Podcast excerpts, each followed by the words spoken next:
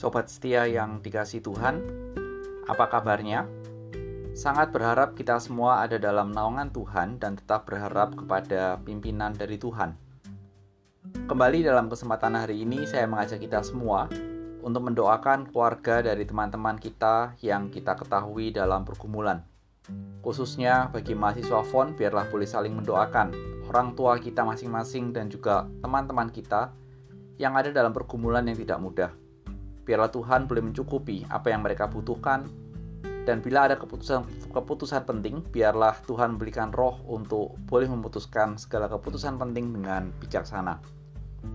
Dalam episode yang ke-46 terambil dari Lukas 11 ayat 29 sampai dengan 36, saya memberikan sebuah tema sukacitaku.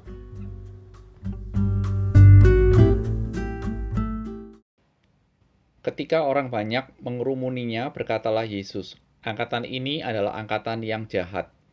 Mereka menghendaki suatu tanda, tetapi kepada mereka tidak akan diberikan tanda selain tanda Nabi Yunus. Sebab seperti Yunus menjadi tanda untuk orang-orang Niniwe, demikian pula lah anak manusia akan menjadi tanda untuk angkatan ini."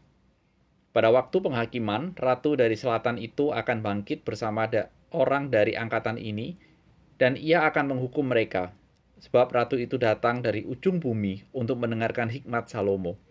Dan sesungguhnya yang ada di sini lebih daripada Salomo. Pada waktu penghakiman, orang-orang Niniwe akan bangkit bersama angkatan ini, dan mereka akan menghukumnya.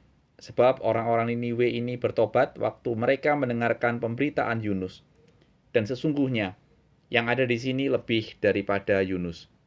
Tidak ada seorang pun yang menyalakan pelita, lalu meletakkannya di kolong rumah atau di bawah gantang, melainkan di atas kaki Dian supaya semua orang yang masuk dapat melihat cahayanya. Matamu adalah pelita tubuhmu. Jika matamu baik, teranglah seluruh tubuhmu. Tetapi jika matamu jahat, gelaplah tubuhmu. Karena itu perhatikanlah supaya terang yang ada padamu jangan menjadi kegelapan. Jika seluruh tubuhmu terang dan tidak ada bagian yang gelap, maka sesungguhnya maka seluruhnya akan terang sama seperti apabila pelita menerangi engkau dengan cahayanya.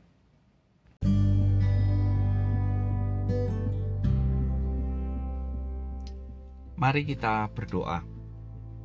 Tuhan Yesus berikan kepada kami hati yang mau belajar kebenaran firman Tuhan, sehingga hidup kami boleh memancarkan keindahan-Mu.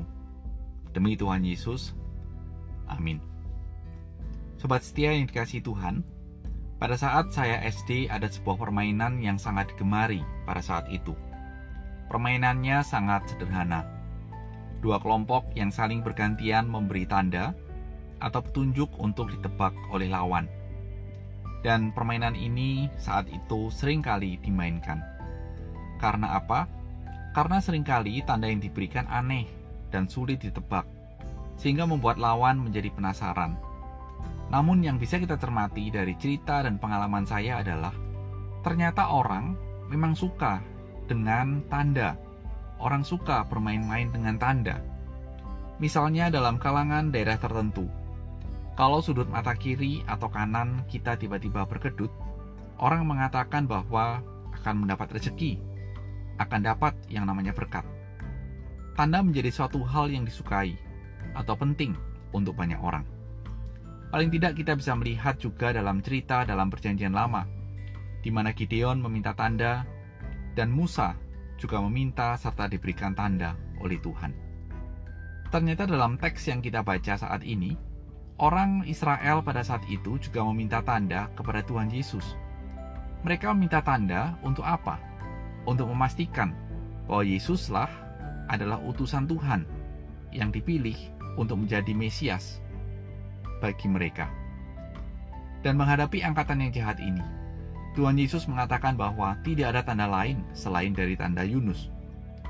Mungkin kita bertanya-tanya, mengapa harus Yunus?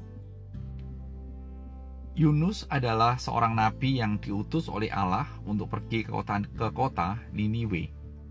Dan perlu kita ketahui, kota Niniwe adalah kota dengan penduduk yang kafir. Mereka menyembah berhala, dan karakter dari orang-orangnya sangat kejam, sadis. Dan bila ada kota dengan penduduk seperti itu, mungkin kita perlu bertanya, pantasnya diapakan kota bersama dengan penduduknya? Diapakan sobat setia? Mungkin terlintas, turunkan saja hujan api dan belerang seperti kisah Sodom dan Gomora. Kota dan penduduk yang seperti itu mungkin kita akan mengatakan nggak berguna. Hanguskan saja sudah. Percuma dipertahankan. Namun Allah mengirim Yunus bagi Niniwe untuk memberitakan berita pertobatan dan ketika Yunus menyampaikan berita itu, ternyata orang Niniwe bertobat dan Tuhan menahan penghakimannya atas mereka. Dan cerita Niniwe, cerita Yunus pergi ke Niniwe ini paling tidak menunjukkan kepada kita bahwa tidak peduli seberapa jahat dan berdosanya umat manusia jika mendengar berita pertobatan dan dengan iman datang kepada Kristus, maka anugerah Tuhan akan nyata dalam hidupnya. Sehingga kita bisa melihat dalam cerita ini. Kalau dalam bahasa saya adalah sekarang ini yang ada di hadapan orang Israel adalah bukan lagi Yunus, tetapi owner seluruh ciptaan, pencipta itu sendiri, Allah yang berinkarnasi menjadi manusia, ada di hadapan mereka dan memberitakan berita pertobatan. Sehingga pertanyaannya adalah, apalagi yang kurang? Tanda apa lagi yang dibutuhkan? Sehingga dengan konteks dan kondisi seperti itu, Tuhan mengatakan bahwa akan ada dua orang yang akan menghakimi mereka bila mereka tidak bertobat. Siapa dua orang itu? Yang pertama adalah Ratu Sheba dan kedua adalah orang Niniwe. Kita tahu bahwa Ratu Sheba dengan segala upaya datang untuk belajar hikmat dari Salomo. Karena tidak ada orang di dunia ini yang lebih berhikmat dari Salomo. Itulah yang membuat Ratu Sheba mengunjungi Salomo untuk dia belajar. Dan saat itu, yang ada di hadapan orang-orang Israel adalah sosok yang lebih dari Salomo. Tapi mengapa mereka tidak sadar bahwa saat itu yang ada di hadapannya adalah orang yang lebih besar dari Salomo? Karena mereka tidak memiliki hikmat. Orang Israel memiliki sebuah prinsip siapa berhikmat akan mengenal hikmat, atau orang berhikmat akan mengenal orang berhikmat lainnya. Dan saat itu, mereka sama sekali tidak mengenali Tuhan Yesus. Dan yang kedua adalah orang Niniwe akan menghakimi mereka karena orang Niniwe meresponi berita pertobatan dari Yunus, meninggalkan dosa-dosa mereka dan mereka bertobat. Dan yang ada sekali lagi di hadapan bangsa Israel adalah bukan Yunus, tapi Mesias yang mereka nanti-nantikan. Mesias yang mereka nantikan justru saat itu mereka tolak dan mereka abaikan. Dalam bayangan saya, kalau ini dilanjutkan menjadi sebuah cerita atau imajinasi, bila orang Israel bertemu dengan orang-orang Niniwe dan Ratu Sheba dalam sebuah penghakiman, mungkin yang terdengar kalimat dari orang-orang Niniwe dan Ratu Sheba adalah Hai Israel, kamu itu buta, bebal, atau apa? Karena sudah jelas di hadapanmu adalah Kristus yang memberitakan dan mewartakan tentang pertobatan, tapi engkau abaikan, engkau tolak. Itu bahasa saya. Dan kita melihat kelanjutan dari cerita ini di ayat 33 sampai dengan ayat 36. Sekali lagi Tuhan Yesus menegaskan bahwa dirinya itu adalah seperti pelita yang bercahaya yang namanya pelita yang bercahaya itu pasti menyinari semua orang. Sinarnya terpancar, bisa dilihat oleh semua orang. Tapi pertanyaannya adalah, siapa yang bisa melihat? Karena sinar bisa dilihat oleh semua orang. Tapi dalam konteks kita, dalam nats kita, cerita kita, ternyata bahwa orang yang bisa melihat adalah orang yang mata rohaninya terbuka dan tidak ditutupi oleh gelapnya dosa.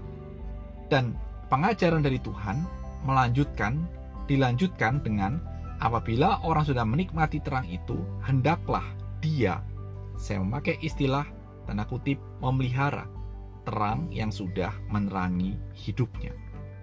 Inilah yang diajarkan oleh Tuhan kepada angkatan yang jahat dan angkatan yang bengkok pada saat itu.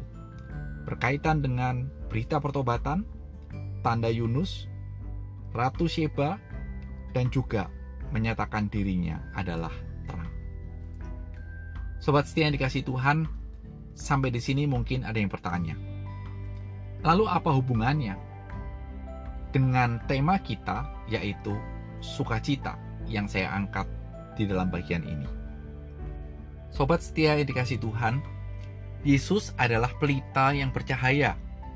Dan bukan saja pelita yang bercahaya, tapi kita tahu bahwa nantinya Tuhan mati dan bangkit di antara orang mati, yang menunjukkan dan memberi tanda dia adalah yang dipilih Allah menjadi juru selamat. Seperti dalam 1 Korintus 15 ayat 12 sampai dengan 19. Seluruh iman Kristen bertumpu pada realitas kebangkitan Kristus dari antara orang mati. Dan kita saat ini tidak lagi meminta tanda, tapi kita sudah menerima Dia sebagai Tuhan dan Juru Selamat bagi pribadi kita. Dan di sinilah ada jaminan pasti keselamatan melalui anugerah dalam Kristus Tuhan.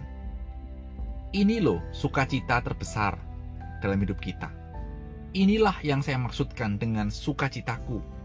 Kita tidak perlu lagi pusing memikirkan bagaimana mendapatkan hidup kekal.